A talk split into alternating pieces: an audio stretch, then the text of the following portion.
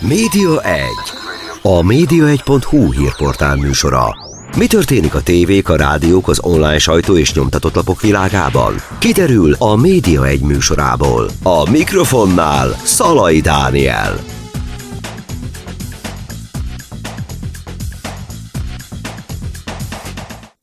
Köszöntöm Önöket, ez itt a Média egy című műsor. Ezúttal ismét Zoomon keresztül jelentkezünk, és itt van velem a Zoomon keresztül Nemes Dániel, internetbiztonsági szakértő, régi szakmabeli kolléga. Szia, Dani! Szia, üdvözlök minden hallgatót! Az NSO-t eddig a Nemzeti Sport Online rövidítéseként ismertük így a médiában, most viszont egy elég félelmetes erővel bíró cég kapcsán halljuk itt a nevét, de mit lehet tudni erről a, erről a cégről, erről az izraeli NSO-ról, ki ez, mióta létezik, mennyire volt ez ismert eddig? Igazából egy jó pár éves cégről beszélünk, több tulajdonosváltáson ment már keresztül, de tulajdonképpen a, az alapítóknak a befolyása alatt állt végig. Mindenféle befektetők szálltak be, aztán szálltak ki, de ha jól tudom, akkor, akkor most a többségi tulajdon az megint a alapítóknak a kezében van, de igazából ez azt gondolom, hogy nem is lényeges. Nyilvánvalóan egy ilyen típusú cég minden esetben az adott ország fegyvergyártásának a része innentől fogva. Az, hogy a tulajdonosi kör pontosan hogy néz ki, egy picit háttérbe szorul. Tehát formálisan ez egy magánvállalat, de gyakorlatilag az izraeli államnak a, az izraeli államhoz köthető cég? Minden országban a fegyvergyár az adott országhoz, vagy a fegyvergyárak az adott országhoz kötődnek. Nyilvánvalóan az adott ország külügyi politikájának ellenében semmilyen fegyvergyár nem fog tudni fegyvert eladni. És tudom, hogy bizonyos szakmabeliek, különösen az akadémiai oldalon nem szeretik a kiberfegyver kifejezést használni az ilyen eszközökre. Én mégis azt gondolom, hogy itt tulajdonképpen fegyverekről beszélünk. Innentől fogva ugye tudjuk is, hogy nyilvánvalóan az, amerikai, bocsánat, az izraeli titkosszolgálatoknak a engedélyével tudják ezeket az eszközöket csak exportálni. Hogy kell egy ilyet elképzelni, hogy ott van egy cég, és gyakorlatilag kiktől vannak a megrendeléseik? Csak a kormányoktól kapnak megrendeléseket? Vagy egyéb vállalatoktól is kaphatnak? Elméletben kaphatnának bárkitől megrendeléseket, ők azt állítják, és hát ezt száfoló adatok még eddig nem jutottak a tudomásunkra, hogy kizárólag országoknak, államoknak, kormányzatoknak árulják ezeket az eszközöket, amiket az NSO előállít. Azon belül is elméletben vannak mindenféle korlátozások, hogy, hogy, hogy milyen típusú államoknak adnak el, melyikeknek nem. De hát például azt is látjuk, hogy más korábban Izrael nem igazán barátságos hangulatban lévő országoknak is értékesítettek, nyilván megfelelő felügyelet mellett.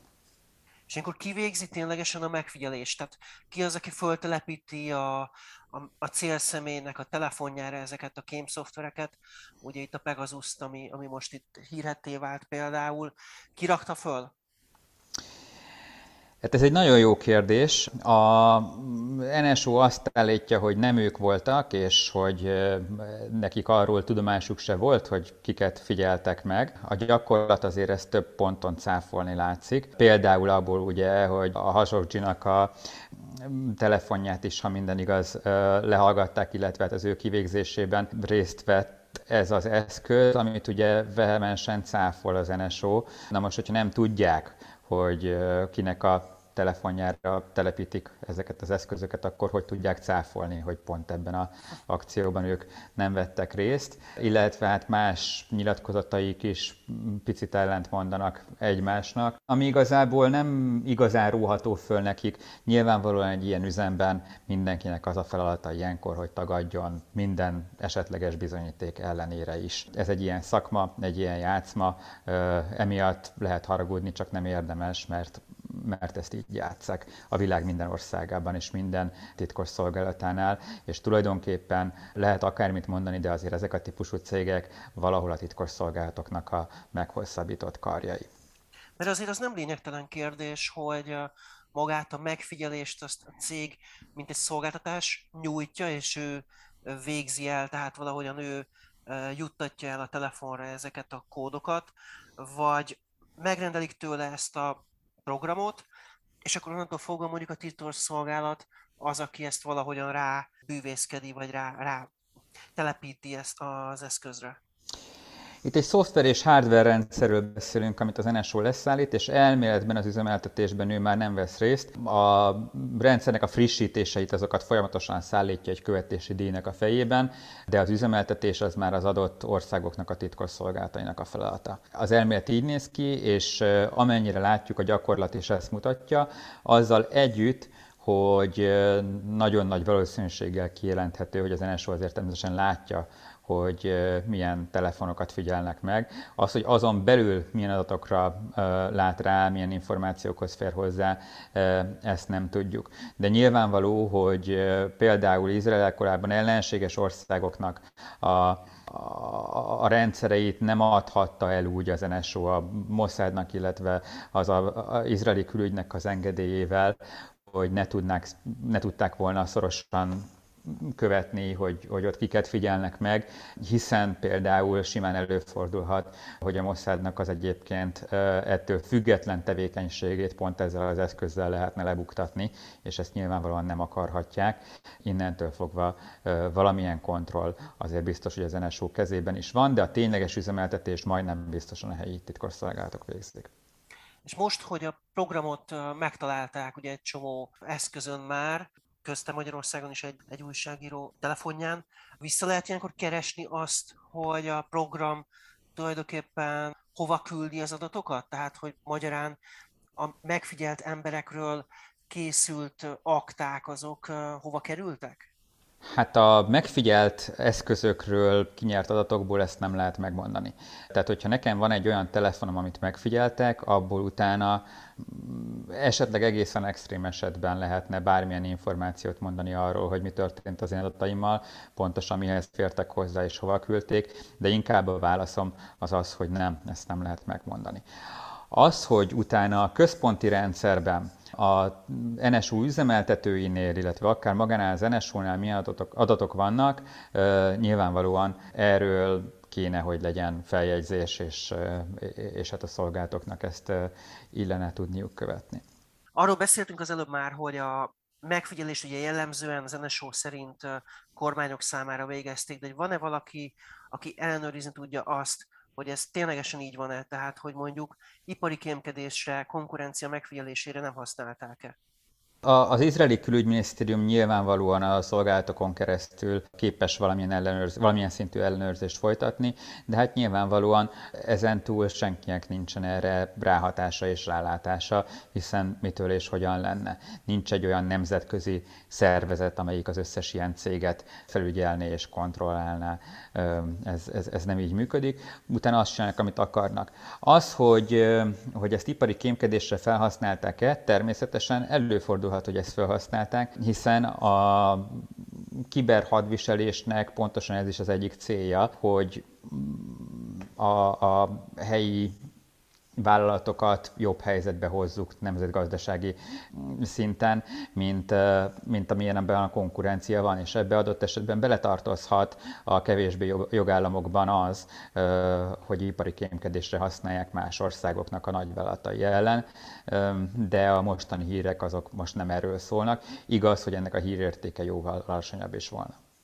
Ki ellenőrzi a kormányokat, tehát hogy ők megfelelően végzik el ezeket a megfigyeléseket, tehát hogy korrekt módon járnak-e el, hiszen az NSO mondott egy ilyet, hogy azokkal az országokkal szemben, ahol visszaéléseket tapasztal, azokkal szemben megszünteti, vagy felbontja a szerződést, de hogyan tapasztalhatja azt, hogy az adott országokban van-e visszaélés?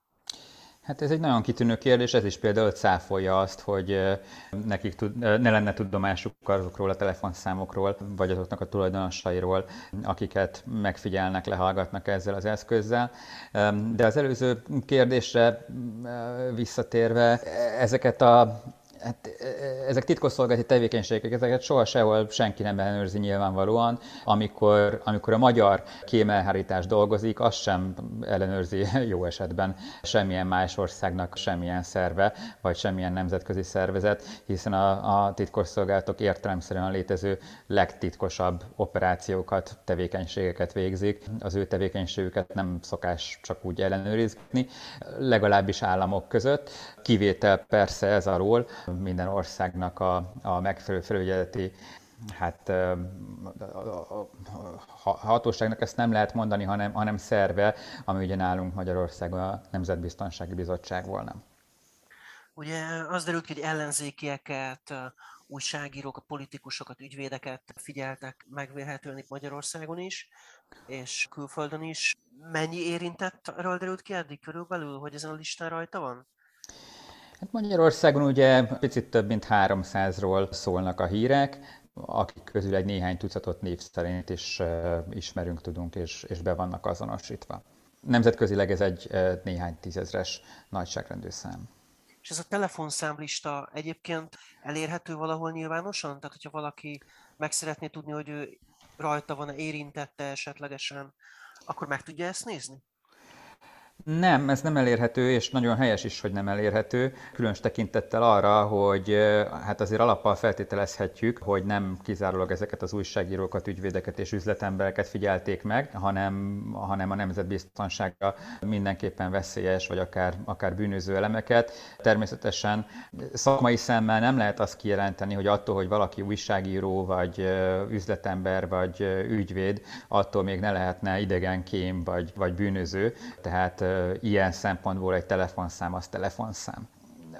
Nyilván arról lehet mindenkinek véleménye, hogy most az adott ismertebb üzletemberek és újságírók valóban idegen hatalomnak a befolyása alatt vannak-e, és kémtevékenységet végeznek-e, de, de hát azért abban a 300-as, nagyjából 300-as magyar listában alappal feltételezhetjük, hogy nagyon nagy számban biztosan olyanok vannak, akiknek a megfigyelése az teljesen indokolt és jogos. Hogyan került ki ez a lista? Tehát ez a, az NSO-tól valamelyik alkalmazott dühében, bosszúból kilopta, kivitte, vagy valami másról van szó? Ezt nem lehet tudni, de találgatások vannak. Ugye, mivel egyszerre nagyon sok országnak a telefonszámai kerültek ki, logikusan vagy az lehet, hogy valami külső személy föltörte ezeknek a titkosszolgálatoknak az NSO-s rendszereit és, és hozzáfért. Ennek jóval kisebb esélyt látom, mint annak, hogy valakinek az NSO környékén járt el a szája, tehát vagy az NSO-tól kerültek ki ezek az adatok, vagy a Mossadtól, vagy az izraeli külügytől, ahol ezek egy tömegben megvoltak. Ugye itt a megfigyelés az már évek óta folyt. Körülbelül mennyi időt ölelhetett ez föl, vagy egyetem lehet, hogy még most is folyik? Nem, hogy lehet, hanem majdnem biztosan kijelenthető, hogy, hogy igen, most is folyik, hiszen, hiszen ilyen eszközöket használnak. Ezekre a titkos szolgálatoknak szükségük van önmagában, az ilyen eszközöknek a léte az egyáltalán nem problémás, hiszen a, nyilvánvalóan a titkos szolgálatoknak az a dolga, hogy minden létező csatornán próbálják az ellenséges kémtevékenységet felderíteni. Innentől fogva, hogyha a kommunikáció áttevődött a telefonokra, már pedig hát azért most már egy jó pár éve áttevődött, akkor ez kifejezetten feladata a szolgálatoknak, hogy legyen képességük lehallgatni ezeket a készülékeket, illetve az azon található speciális vagy általánosabb szoftvereket. Ezzel, ezzel nincsen baj, és ez természetesen folyik a továbbiakban is, hogy most ezzel az eszközzel, vagy más eszközzel, vagy minden eszközzel, az ilyen szempontból részletkérdés, de nyilvánvalóan ezzel az eszközzel is. Ez nem egy olcsó eszköz, ezekre a szolgálatok a világ minden táján beruháztak, innentől fogva a használatukat nem lenne indokolt felfüggeszteni. Az egy másik kérdés, hogy ugye kikerültek azok a ellenőrző rendszerek, amikkel meg lehet vizsgálni korábbi Pegasusos támadásoknak a nyomait, és nyilvánvalóan ezeket vagy azóta update vagy pedig vállalják a kockázatát annak a szolgálatok, hogyha valaki gyanút fog és megvizsgálja a saját készülékét, akkor, akkor nyomokat talál, és ezáltal világossá válik a számára, hogy, hogy őt lehallgatják. A nyomokat egyébként el tudják tüntetni? Tehát, hogy most, hogy van ez a nagy botrány, és gyaníthatóan sokan ugye meg fogják vizsgálni a telefonjukat, el tudják azt érni, hogy a nyomok tűnjenek el a telefonról?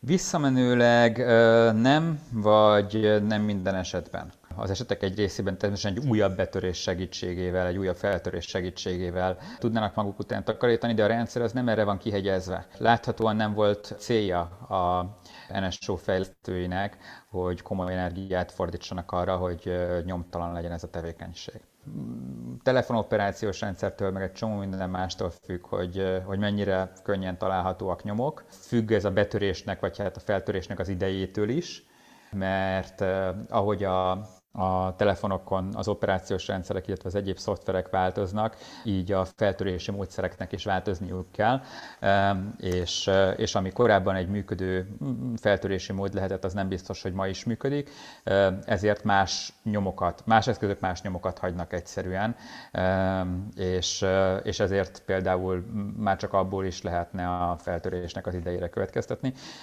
de összességében visszamenőleg nem gondolnám, hogy jellemző volna a nyomoknak az az eltüntetése. Az, hogy esetleg most vagy a jövőben akár az NSO, akár más hasonló termékeknek a gyártói nagyobb figyelmet fognak -e esetleg fordítani a nyomoknak az eltüntetésére, az elképzelhető, de biztosan nem tudjuk kijelenteni, hiszen, hiszen ez nem feltétlen cél. Eddig ugye az informátorokat úgy próbáltuk mi újságírók védeni attól, hogy kiderüljön, hogy kik is ők valójában hogy azt mondtuk nekik, hogyha nagyon félnek attól, hogy kiderül, hogy, hogy kik is ők, akkor mondjuk beszéljünk szignálon, titkosított messenger programon keresztül. Most viszont ugye kiderült, hogy ezek is sebezhetőek, ezek a titkosított megoldások, akkor gyakorlatilag semmilyen védelem nincs, ami, ami valódi védelmet jelentene?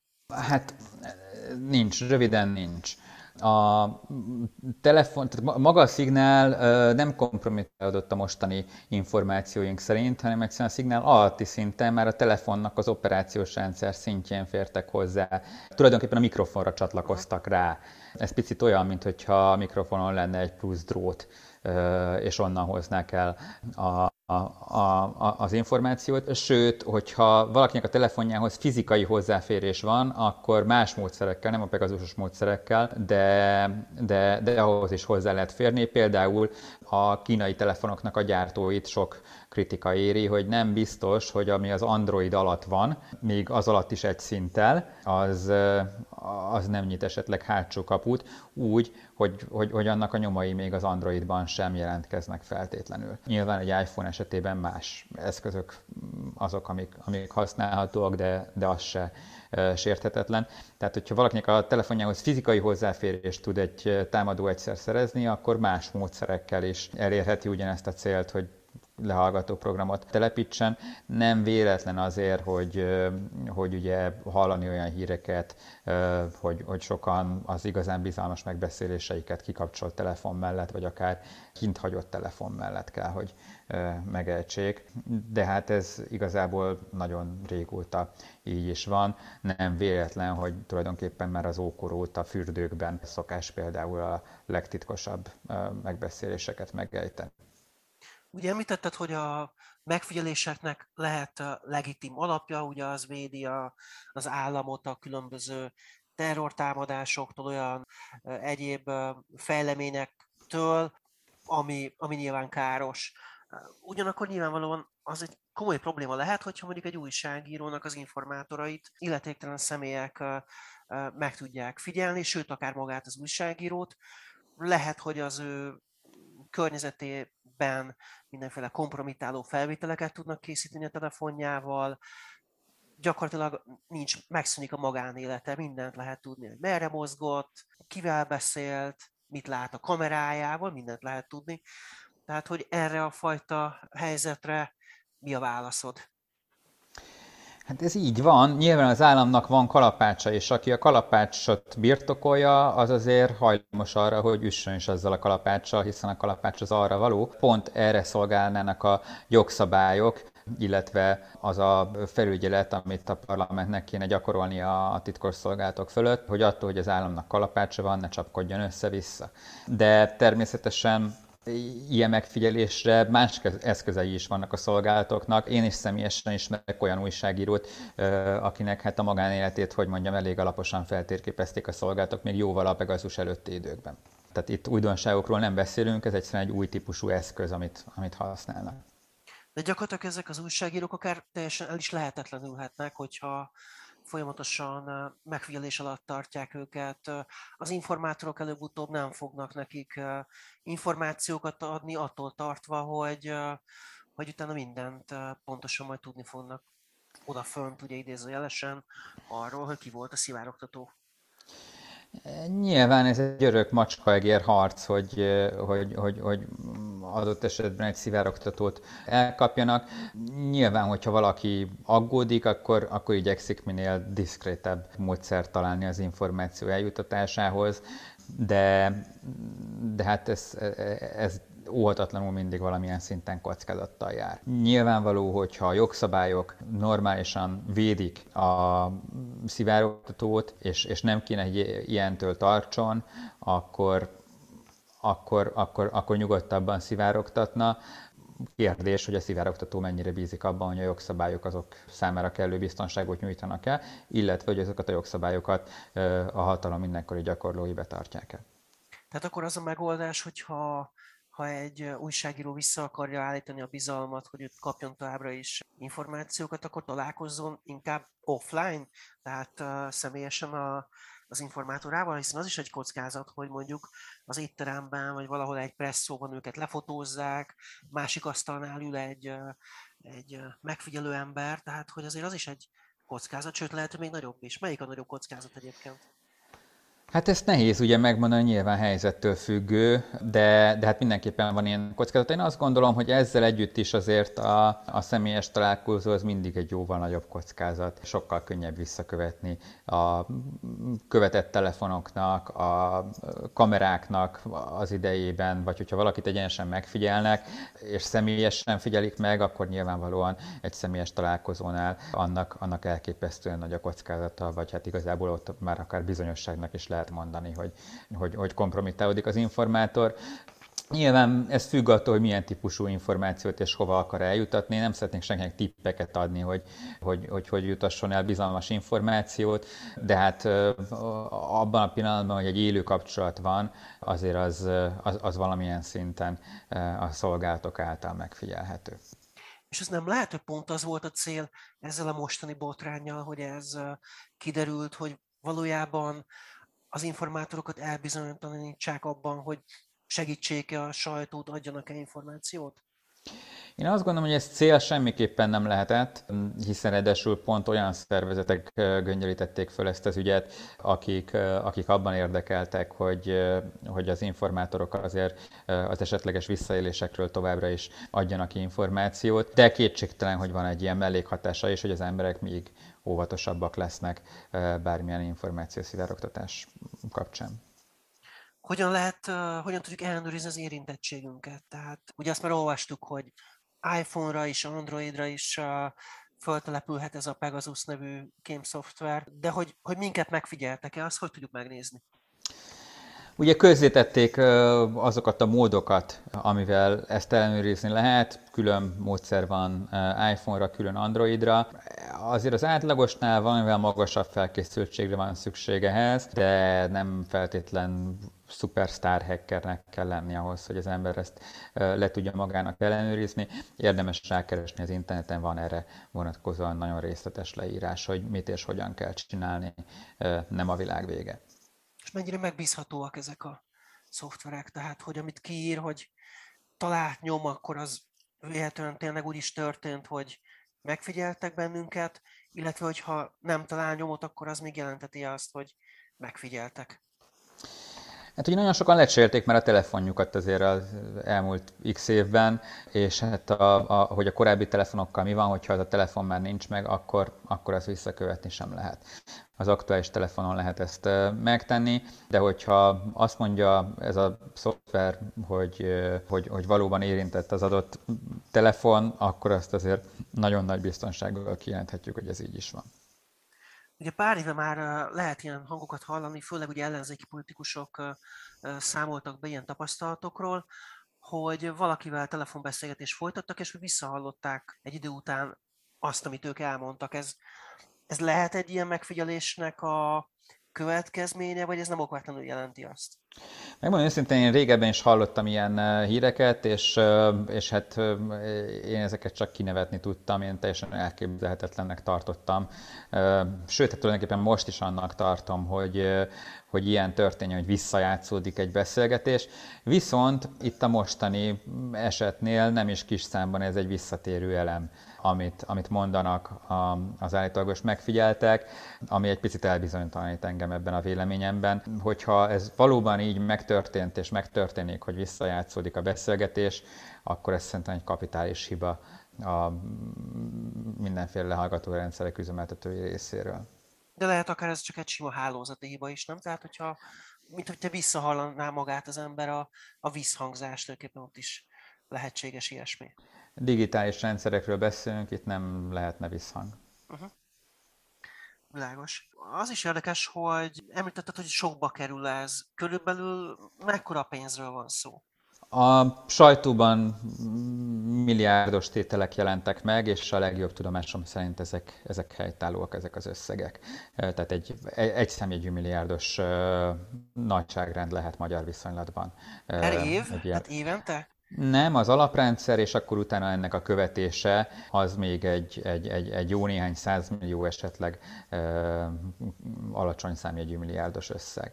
Ö, ez egyébként, hogyha megnézzük a fegyverrendszerekhez képest egy elhanyagolható összeg, hogyha mondjuk összehasonlítjuk egyetlen egy vadászgéppel, vagy akár csak egy helikopterrel ezt a számot, akkor ez egy nevetségesen alacsony összeg. És nyilvánvalóan vadászgépből, meg helikopterből nem egy darabra van szükség, még Pegasusból igen. Uh-huh. Mit tehetnek azok, akik megtalálják a nyomát annak, hogy őt megfigyelték, akkor tegyen feljelentést, van értelme, vagy igazából lényegtelen? Ezt igazából jogászoktól kéne azt gondolom megkérdezni. Én ebben nem tudok, és nem is nagyon szeretnék véleményt nyilvánítani. Azt gondolom, hogy ez mindenkinek a vérmérsékletétől függ, hogy, hogy, hogy, hogy utána akkor feljelentést tesz. Nyilván, ha valaki úgy érzi, hogy, hogy, hogy, hogy őt valamilyen joghátrány érte, akkor minden alapja és joga megvan arra, hogy feljelentést tegyen, aztán az meg már a hatóságok dolga, hogy ezt kivizsgálják, hogy ez, ez, ez jogos volt, valós volt, vagy, vagy, vagy nem. Ugye volt tüntetés is itt az NSO Pegasus ügy kapcsán Magyarországon, de úgy látom, hogy elég kevesen vettek ezen részt. Ez meglepett? Láthatóan ez, ez a kérdéskör nem igazán foglalkoztatja a magyar társadalmat. Engem ez picit mindig meglep, de hát ez, nálam ez egy szakmai ártalom, hogy én ezekre a kérdésekre nagyon odafigyelek. Úgy látszik, hogy ezzel egy nagyon-nagyon pici kisebbségben vagyok az országban. Lenne egyébként valamilyen megoldás erre a mostani helyzetre? Tehát mondjuk más országokban, ahol ugye szintén kiderültek problémák itt a megfigyelések kapcsán, ott most milyen irányban mennek el a dolgok? Én azt gondolom, hogy önmagában nem kell, hogy ezekkel a rendszerekkel bármiféle probléma legyen. Ugye halljuk, hogy például Franciaországban ezt nagyon komolyan veszik, de Franciaországban ezt azért veszik komolyan, mert ott nem a francia elhárítás dolgozott a, a francia állampolgárok ellen, vagy hát lehet, hogy a, ők is, de, de hírek azok arról szólnak, hogy egy másik ország az, aki a francia állampolgárokat igyekezett lehallgatni, akár az elnöki szintig vezet kizárólag, és az már, az már valóban problémás. Igen, uh, ugye benne volt a hírben, hogy Macron telefonján is megtalálták a, a Pegasus-t. Hát igen, igen, az nyilván rettentően kellemetlen. Az, hogy, hogy itt nálunk ezzel kapcsolatban mi a helyzet, hogyha valóban jogszerűen és, és, és, és etikusan jártak el a szolgálatok a nyilvánosságra került neveknek a lehallgatásánál, akkor ezzel semmilyen további teendő nincsen, bár hát nyilván szerencsés volna, hogyha az erre hivatott Nemzetbiztonsági Bizottság ezt ki tudná vizsgálni, mert, mert hát még egyszer mondom, hogy semmi nem zárja ki, hogy ezek a újságírók, üzletemberek, ügyvédek, helyettes államtitkárok, akikről itt a hírek szólnak, ők, ők valójában kémtevékenységet végezhettek, miért ne végezhettek volna. természetesen bárkinél a, a gyanú fölmerülhet, és hogyha a gyanú alapos, akkor ezt, ezt, ezt vagy el kell támasztani, és akkor le kell őket kapcsolni, vagy, vagy el kell oszlatni ezt a gyanút. Hogyha ez valóban így volt, akkor ezzel nyilván semmiféle további teendő nincsen. Hogyha ez nem így volt, mint ahogy ők, meg hát ugye nyilván az ellenzéki oldalon ezt állítják, akkor viszont, akkor viszont ezzel probléma van, és akkor vagy a jogszabályokat, vagy azoknak a végrehajtását kell megfelelően módosítani, mert lehet, hogy valami esetleg még jogszerű is volt, és én ebben azért eléggé biztos vagyok, hogy a jog betűjének ez mindenképpen megfelelt, mert hogy, hogy aláírt papírok biztos vagyok benne, hogy voltak, amennyire én ezt a világot ismerem, senki nem fog belemenni egy szolgálatnál törvénytelenségbe, ők, ők, ők mindig csak az adott parancsot hajtják végre, hogy, hogy a jogszabályok helyesek-e, azt nem az én tisztem vitélni. Ugye ebben napokban jelent meg egy hír arról, hogy jelentősen megugrott az engedélyezett megfigyelések száma Magyarországon itt az elmúlt hónapokban is. Ha jól emlékszem, talán havi 900 körül voltak ezek az engedélyek, amiket a, az igazságügyi miniszter kiállított. Minek tulajdonítod ennek a megugrását hirtelen, ennyire megnőtt a, az állam elleni kockázat, vagy itt, itt azért felmerül az, hogy esetleg nem minden esetben indokolt volt a megfigyelés, és esetleg csak adott emberekre ráálltak? Ezt én nem tudom megítélni, nyilvánvalóan erre vannak a megfelelően felkent szervezetek, hogy, hogy ezt megvizsgálják. Nyilván, hogyha egy ilyen növelkedés tapasztalható, akkor, akkor ezt a felelős minisztériumban is meg kell vizsgálni, hogy, hogy, hogy, hogy valóban indokolt-e ennyire nagy számban ezeket a megfigyeléseket végezni, illetve hát a parlamentnek van a nap végén kontrollja szolgáltok fölött, és, és hát ott az, a, a, a bizottságnak, a Nemzetbiztonsági Bizottságnak is célszerű ezt megvizsgálnia. Természetesen előfordulhat, hogy ez indokolt volt, de ezt én nem tudom megítélni innen.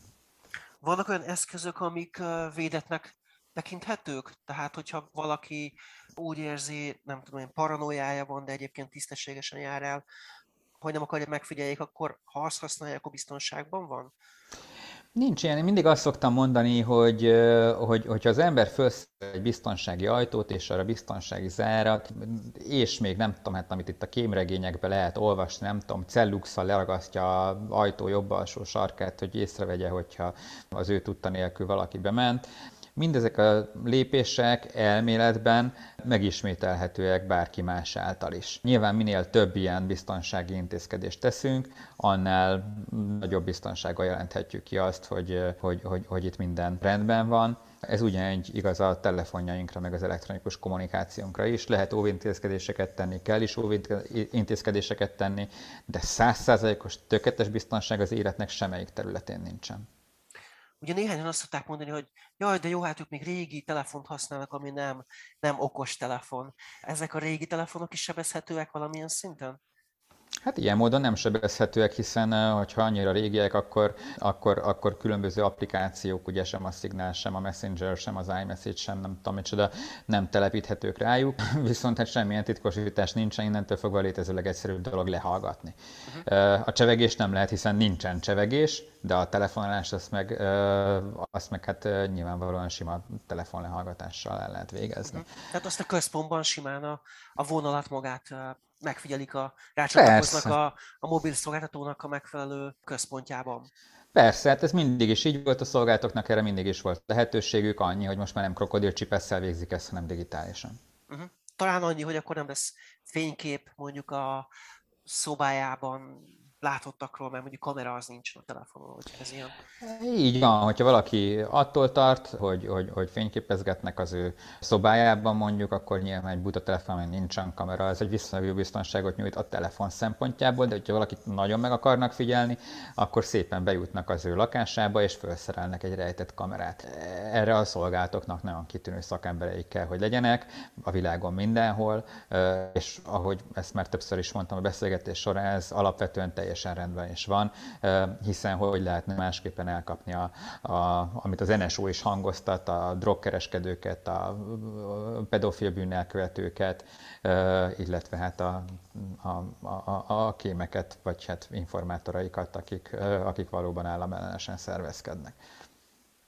Beszéljünk egy kicsit a számítógépekről, tehát a laptopokról, asztali gépekről. Mondjuk, hogyha valaki nyílt forráskódú rendszert használ, mondjuk egy Linuxot, annak ugye a kódja nyilvános, ennek ellenére azt is meg lehet figyelni?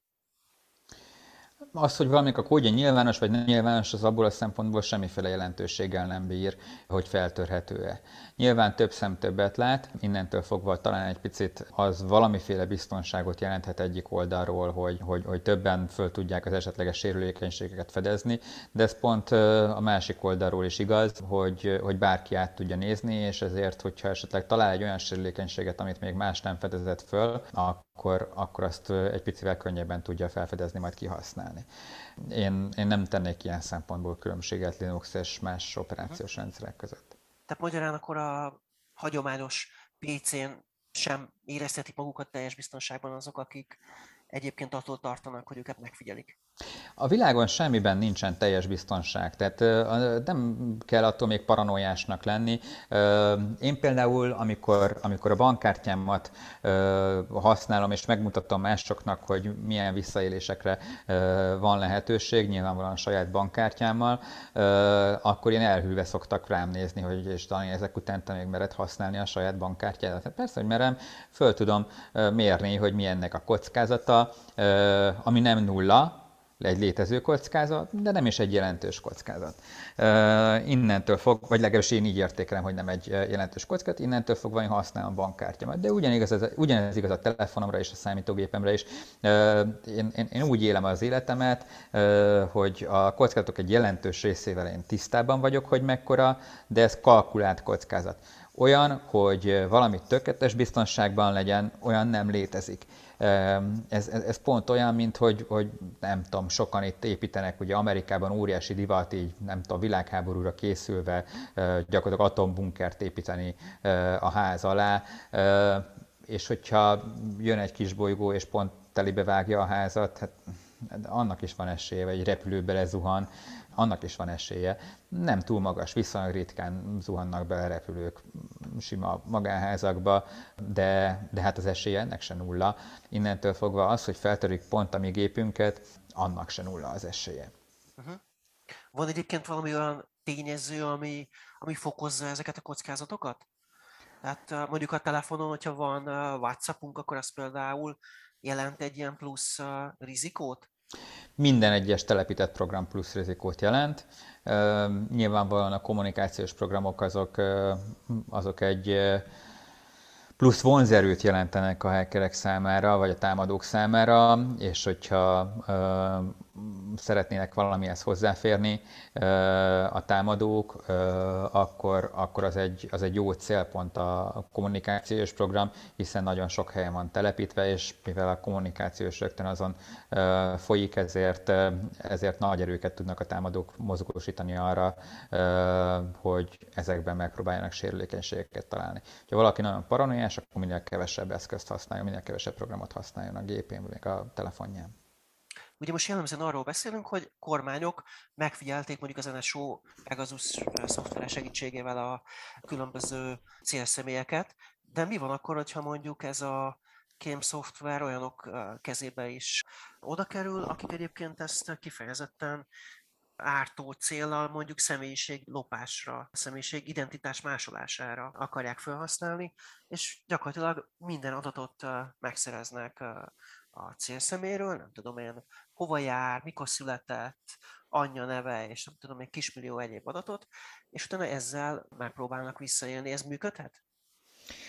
Természetesen ezt nem zárhatjuk ki, ahogy az NSO megtalálta ezeket a hibákat, vagy megvásárolta a fekete piacon, amiket végül kihasznált, ugyanúgy nem zárhatjuk ki azt, hogy bárki más is megtalálta ugyanazokat a hibákat, vagy más hibákat, amikhez, amiknek a segítségével hozzá tud férni ugyanazokhoz az adatokhoz akár. De hogyha én egy valakire vagyok kíváncsi, és, és ő utána szeretnék kémkedni, akkor nem biztos, hogy, hogy ilyen eszközt vennék igénybe. Hogyha én egy valakit kipécézek, akkor, akkor sokkal egyszerűbb és olcsóbb eszközök léteznek arra, hogy, hogy, hogy valakit meg tudjunk figyelni, ahogy a különböző szolgálatok hagyományos módon is dolgoztak. Nem feltétlenül kell a telefonjába és a gépébe betörni. És azt elképzelhetőnek tartod egyébként, hogy ezeket a hibákat szándékosan benne kell hagyniuk a, a, a rendszerfejlesztőknek, tehát az iOS vagy a, az Android gyártójának azért, hogy a kormányok szabad bejárással rendelkezzenek? Ezzel kapcsolatban mindig is voltak részint összeesküvés elméletek, részint törvényhozási kísérletek, de én ennek nem tulajdonítanék feltétlenül túl nagy jelentőséget. Ugye amikor szokták mondani, hogy például szövetségi rendszerek szerint a védelmi eszközök azért elkülönülnek, és ez tényleg így is van természetesen. Egy, egy, egy orosz titkosszolgálat a legritkább esetben fog mondjuk egy amerikai védelmi rendszert használni, vagy fordítva, ugyanez nyilván igaz egy kínai-amerikai relációban is de, de összességében azért az az általános szakmai álláspont, hogy a védelemnek a gyengítése az a nap végén soha senkinek nem lesz jó. És az hogy lehet egyébként, hogy itt a mostani botrányban vannak országok, akiknek nem derült ki az érintettsége, tehát hogy ők teljesen, mint hogyha kimaradtak volna, és vannak olyan országok, ahol pedig a, mm, tömegesen borulnak ki ezek a, ezek a csontvázak a szekrényből. Hát ugye nem mindenki vásárolta meg ezt a rendszert, tehát hogyha valaki, valamelyik ország nem érintett, akkor lehet, hogy egyszerűen nem is vásárolt ebből a rendszerből.